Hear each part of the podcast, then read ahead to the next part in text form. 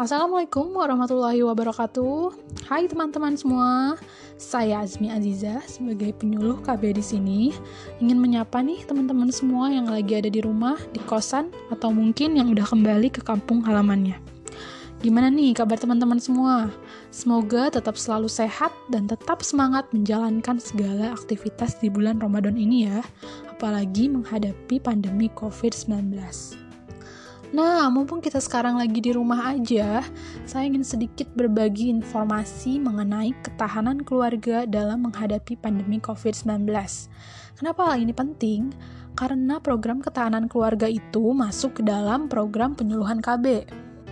Nah guys, berkaitan dengan pandemi COVID seperti sekarang ini, buat teman-teman semua yang gak bisa WFH atau work from home, kayak abang gojek online, pekerja pabrik, penjaga swalayan, pedagang eceran, petani, dokter, dan masih banyak lagi, termasuk ibu-ibu juga nih yang mau belanja bulanan, pasti gak bisa dihindari kan ya untuk belanja keluar rumah.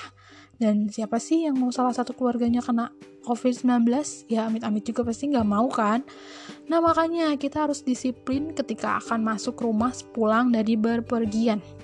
Maka dari itu, sekarang saya mau ngasih tips putar panduan mencegah virus corona sepulang dari berpergian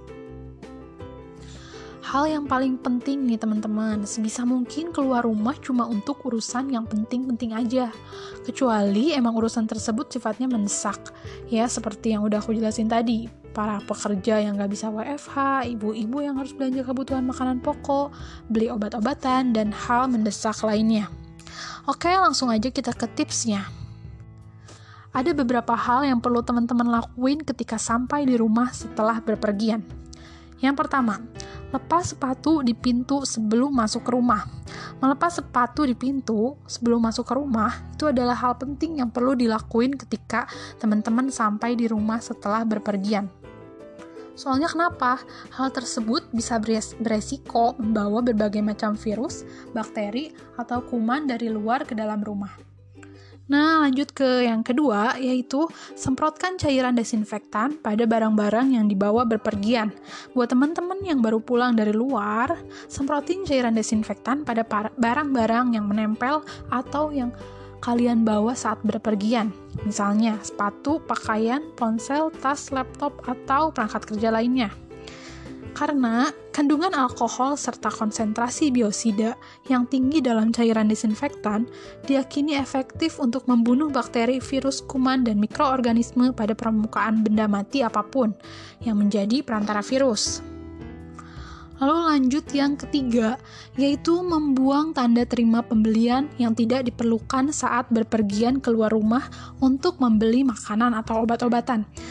Nah, kan kalian teman-teman semua pasti kalau dari luar beli makanan itu kan pasti menerima berbagai kertas atau tanda terima pembelian.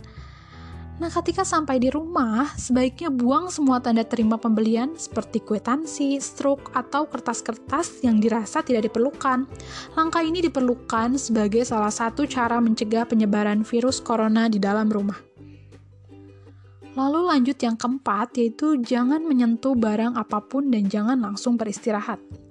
Setelah teman-teman melepas sepatu dan menyemprotkan cairan desinfektan pada barang yang dibawa berpergian tadi, jangan menyentuh barang apa pun yang ada di dalam rumah sebelum mencuci tangan sampai bersih. Apalagi kalau teman-teman coba duduk atau merebahkan diri di kursi, sofa, ataupun tempat tidur dalam kondisi masih menggunakan pakaian yang dikenakan saat berpergian. Juga bagi para orang tua nih, Jangan pula menyapa atau menggendong anak jika tubuh belum dalam kondisi bersih. Lalu lanjut yang kelima, segera cuci tangan dengan sabun dan air mengalir sampai bersih. Uh, berapa lama sih? Ya, lakukan selama minimal 20 detik.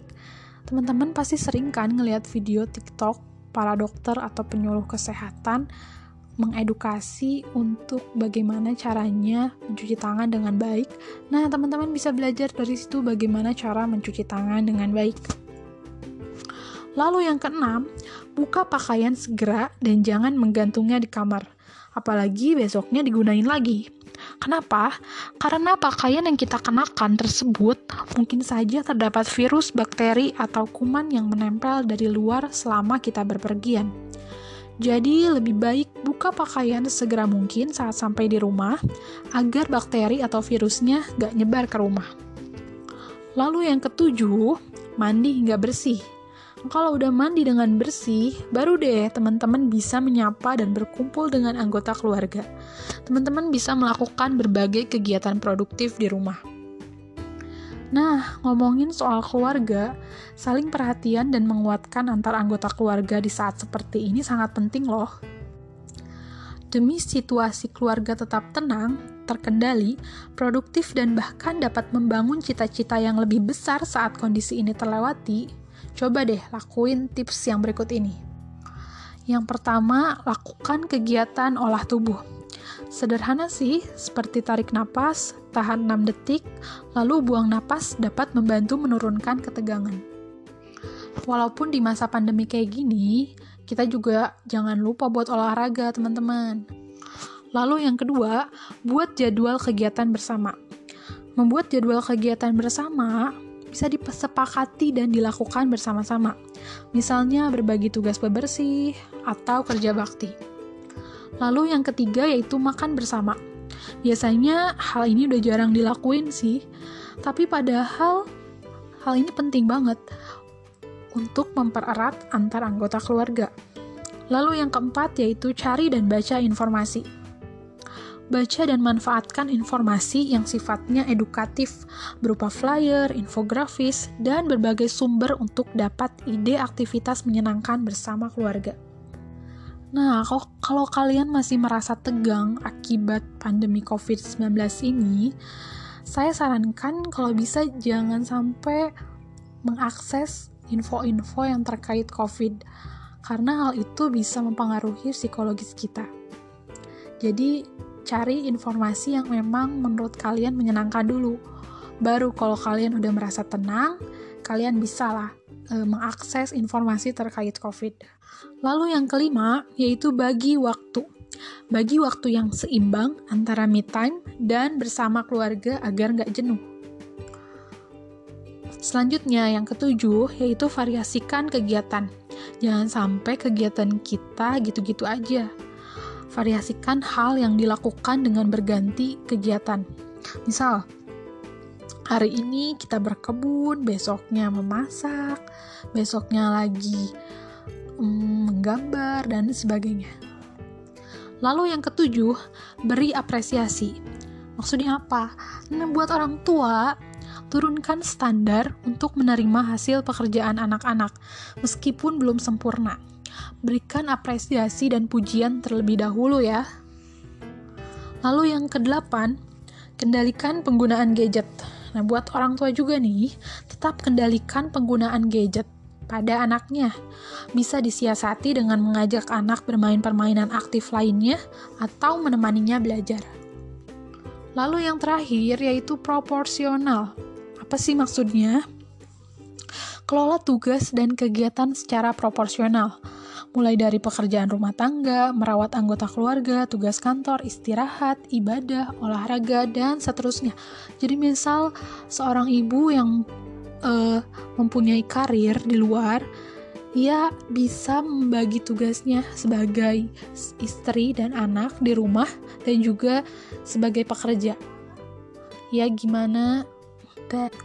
Lalu yang terakhir yaitu proporsional. Maksudnya gimana?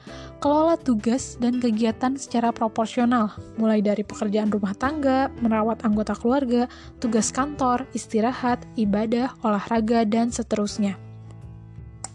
Jadi contohnya misal ada seorang ibu yang mempunyai karir di luar. Ia harusnya bisa memanfaatkan atau memanajemen waktunya dia sebagai istri dan uh, als ibu bagi bah.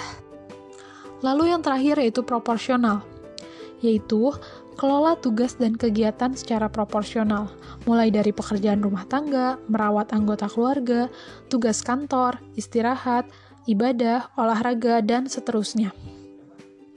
Jadi contohnya misal ada seorang ibu yang bekerja di luar atau mempunyai karir.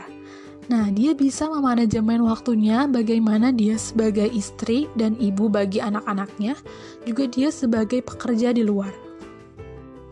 Nah, itulah tips menjadi keluarga produktif dan kuat menghadapi COVID-19. Sekian informasi yang bisa saya berikan, kurang lebihnya mohon maaf. Wassalamualaikum warahmatullahi wabarakatuh.